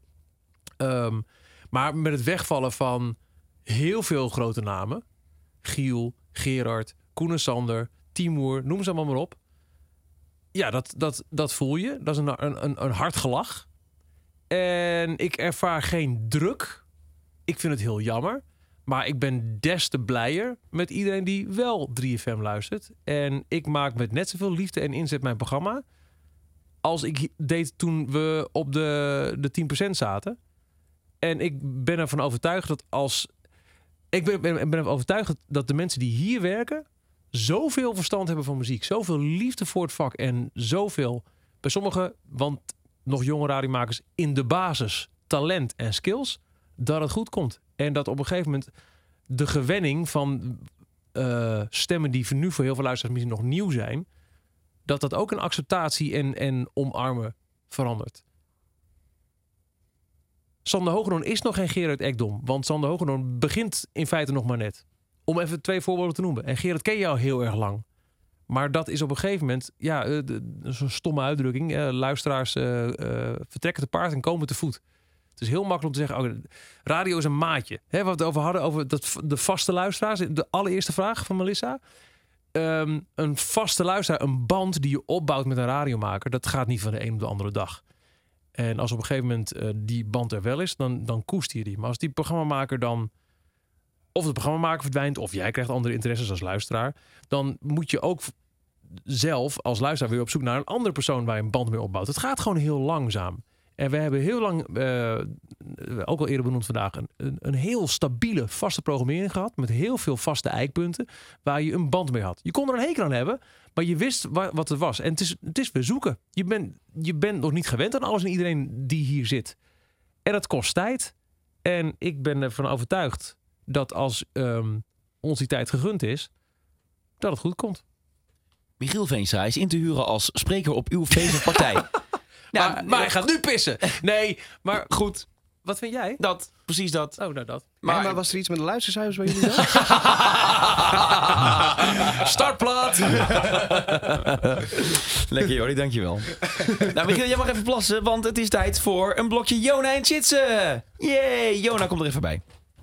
Hallo. Pak even de microfoon. Eh, pak even de, die microfoon, want dan kan ik de vraag stellen. We hebben een vraag van Dave. Van. Ja, dat hoop ik dat hij dat wel begrijpt. dat Plas is dat zo, hè? Dave Vonky vraagt via het eh, Instagram: hoe worden de jingles en tunes gemaakt? Moet de DJ die thuis maken of in de studio?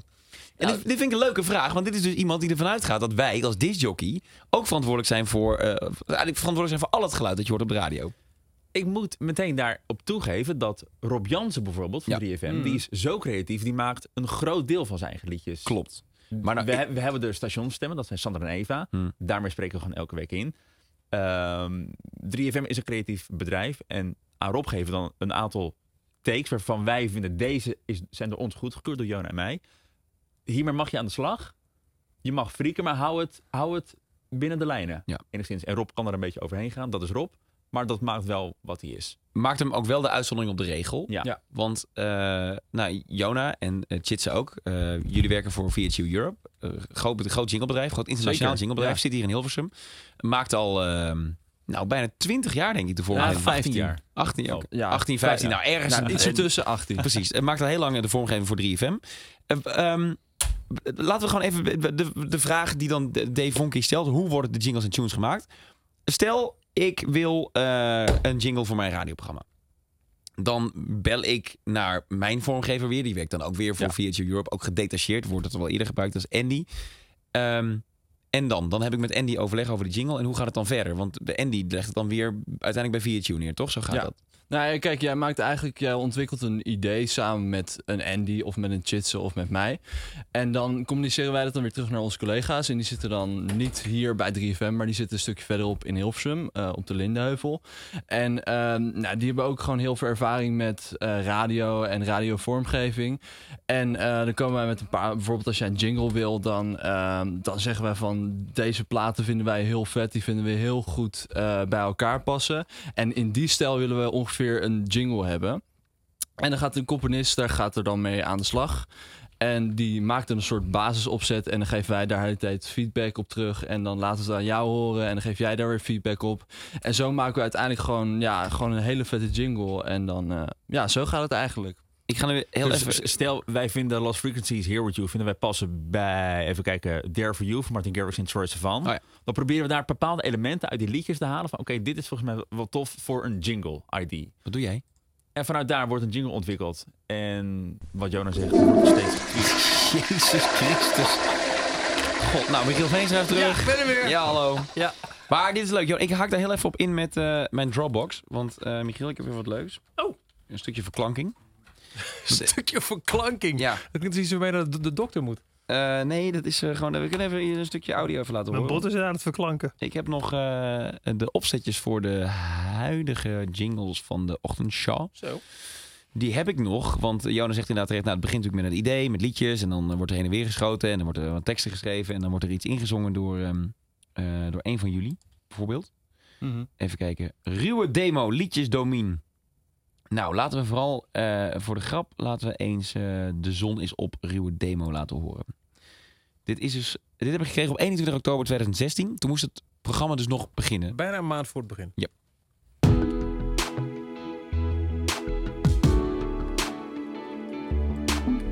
VHU Europe. Copyright protected. Audio Jungle. De zon is op, oké bijna dan. Met je slaperige kop, de gordijnen open. Nog snel ontbijt, de hoogste tijd. Met fiets of trein of ga je lopen. Je dag begint. Er wat galm bij, anders? 3FM, muziek en nieuws. Dit is beter. Meteen goed. de we jij weer Preset 10. en is die vreselijk lange dag? Die vreselijk lange dag. Die vreselijk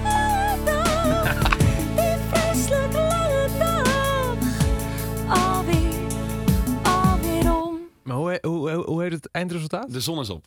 Moet je even zoeken in de title. Hebben jullie enig idee wie dit zingt of niet? Eh, ik, ik kijk even van, ja, ik, het is me ooit wel eens verteld, maar ik weet echt niet meer Maar wie dit is geen- dit is geen dit, zangeres. dit, is, dit is gewoon de guide. Dit is, Dit is gewoon iemand die het heeft. Ja, idee. ja. Het is gewoon omdat jij... Ik denk dat Robin dit heeft je ingezongen. hoort meteen de hele productie ook veel vetter. Ja. En dit is dus eh, uiteindelijk het eindresultaat zoals je hem nu eh, iedere ochtend om half acht hoort. Goedemorgen. De zon is op, bijna dan. Met je slaperige kop, de gordijnen open. Nog snel ontbijt, de hoogste tijd. Met fiets of trein of ga je lopen. Het is ook sneller geworden. Je dag begint hier op 3 3 ppm, FM. zeg Met maar. muziek 3,5 en nieuws en Domien zijn stem. Dus wat je ook doet voor je baas of op school. Met de radio aan komt het echt wel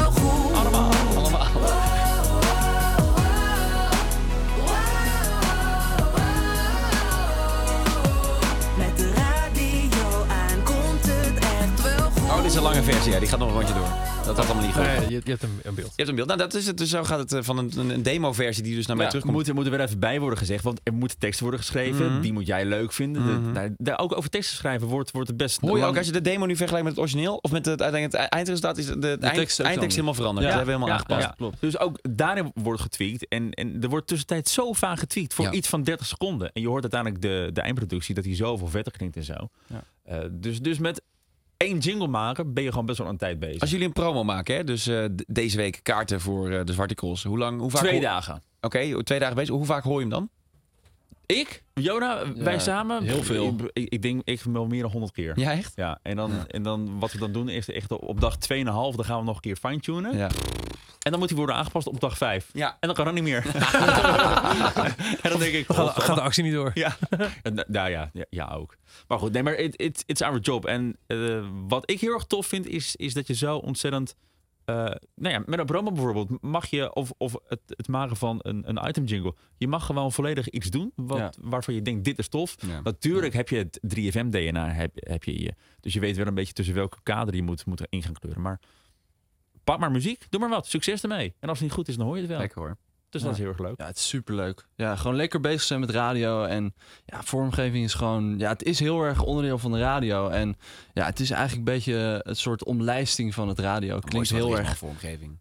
Maar eh, ja, het is superleuk om te doen. Het is zoiets kleins en er zitten gewoon heel erg... Nou, zoiets kleins bij sommige programma's, bijvoorbeeld bij het programma Voorop, of wat wij hebben gedaan vroeger op vrijdagavond, was, Zo. was de vormgeving echt een heel groot onderdeel er weer van, juist. Ja. Dus zo kun je het ook weer naar je toe trekken. Vraag beantwoord?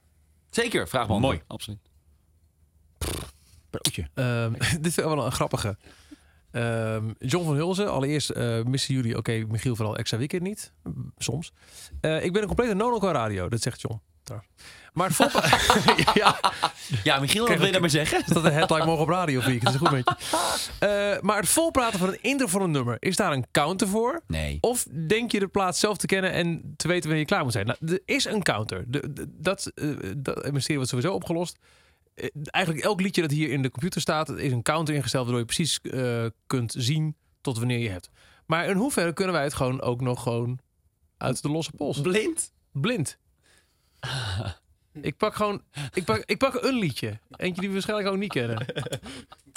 Deze ken ik absoluut niet. Oh, dit is, dit is echt... Zal ik eens eerst? Ja, heb je gewoon een liedje Ik gekozen? heb, ik heb er gewoon eentje gepakt. Oké, niet kijken. 3FM, daar luister je naar. Het is vier voor half twee tijdens deze opname. Ik zie geen counter, maar ik ga ervan uit dat alles helemaal goed gaat komen. Dit is Anita Meijer. Koning. maar je wilde, je wilde nog wel de titel je zeggen. hoort wel geen punt, hè? Nee, nee, nee, nee. nee. Oké. Eh, nou, deze is voor jou, was het echt Anita Meijer of niet? Ja, dat was eh, Anita Meijer met... Wat was het nou? Even kijken hoor. Ehm, welke map? Zit je in de map 70's of zo? ja, Alternative Oh, Way was dit. nee. Komt-ie. Ja, dames en heren. Goedemiddag. Het is eh, vier minuten voor half twee. Het zonnetje is verscholen achter de wolken. Het is wel lekker warm. 21 graden. Je luistert naar de podcast van Michiel Veenstra. Ja, ja, ja, ja, ja. Maar ik, dit zijn wel, nu, dit is wel, wel trucjes. Dit is wel... Het is een mate. Ja, dit is maten. Dit is, ja, als, je, als je ligt in de muziek en als je je maat volgt, dan, eh, dan kom je er eigenlijk altijd wel uit.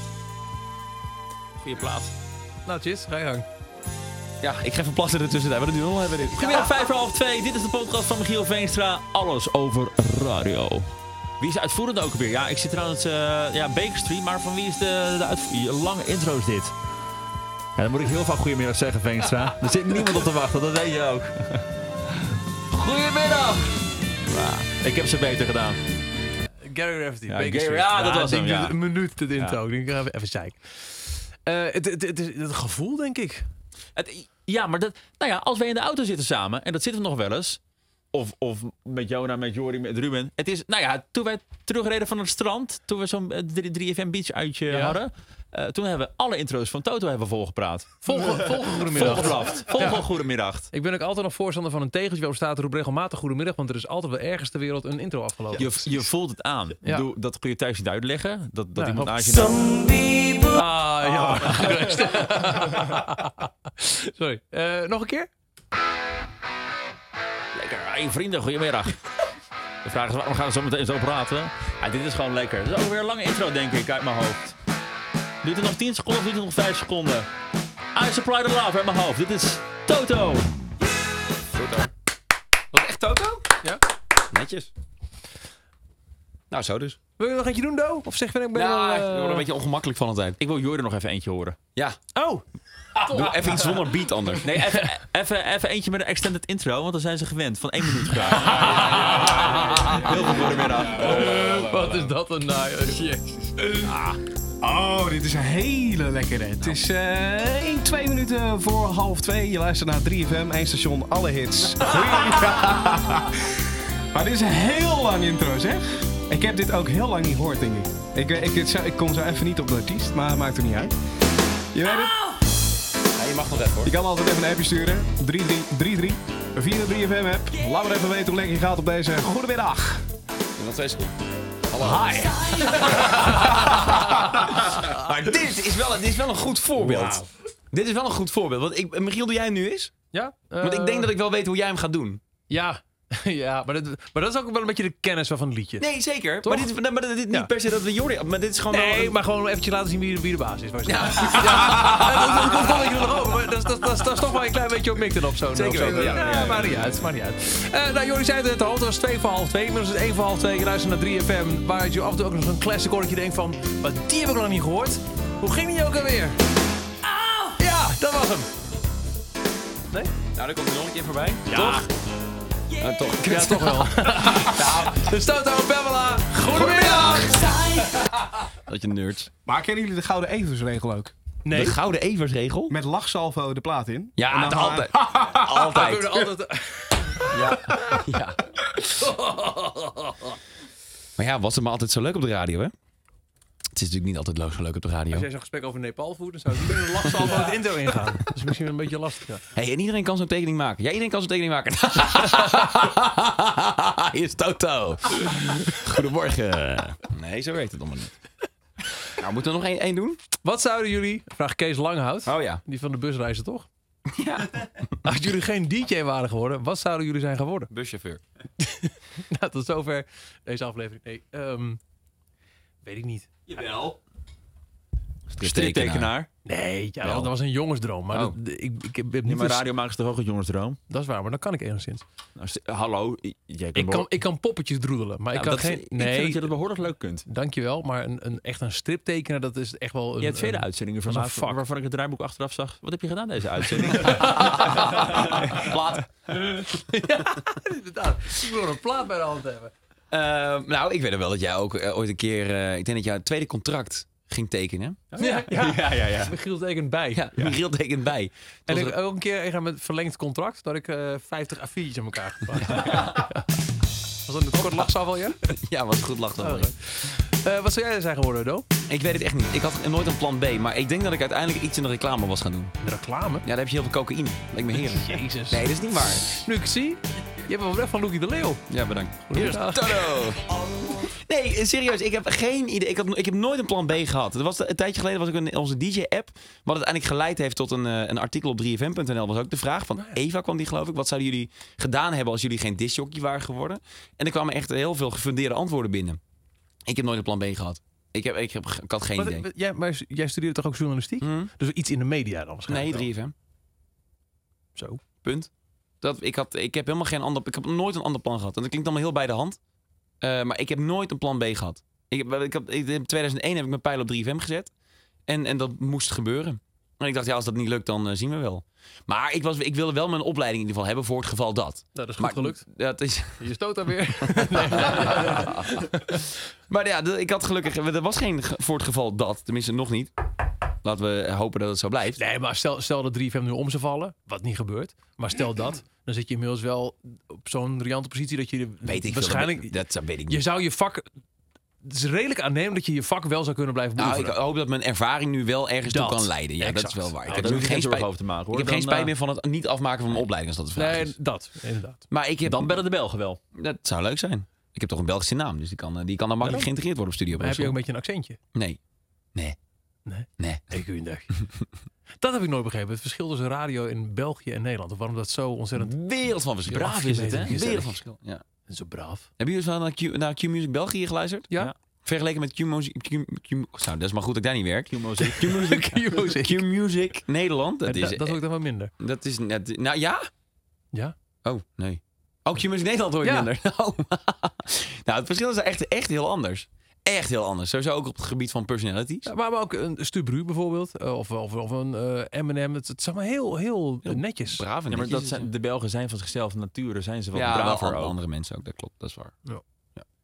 Ik heb mijn laptop al dichtgeklapt inmiddels. Het is klaar, ja? Nou ja, ik zie de klok zo eh, over half twee staan. Ik hoor de matrixprinter al hoor. Nee. dit, is, dit is allemaal liefdewerk oud papier.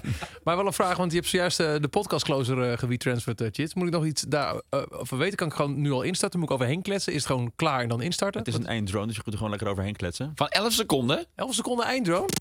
Nou ja, nou, tot zover deze aflevering van Michiel Met. Vergeet je niet te abonneren in jouw favoriete podcast app. En blijf luisteren voor een volgende. Nee, niet blijf luisteren, blijf gewoon. Jammer weer dit. Dit is heel jammer. Dus dat weer, ja, heb jij dat weer gemaakt, het eindje? Heb je weer een kick erachter gezet? Moest Ja. dat weer? Ja. Zijn niet in dezelfde toon, gek? Ja, dat je. Toon waarvan? Dat is toch klaar? Maar op zich kunnen we het ook een keer opnemen, dat, dat je het gewoon standaard kunt, kunt, eh, kunt instarten. Oh, dat is handig. Dan hoef je alleen Dat was eigenlijk het, het originele idee, maar toen moest je op vakantie. Jongens, dit- was de afsluiter, hè? Gaan we weer. Dag. Maar wel- wat is nu de volgende aflevering? Weet je dat nog niet? Nee, nou, ik- hopelijk deze week met Giel. Michiel, dan ben je zelf. Nee, Giel. Oh, Giel. Die heeft toch heel weinig te doen. Hier is Toto.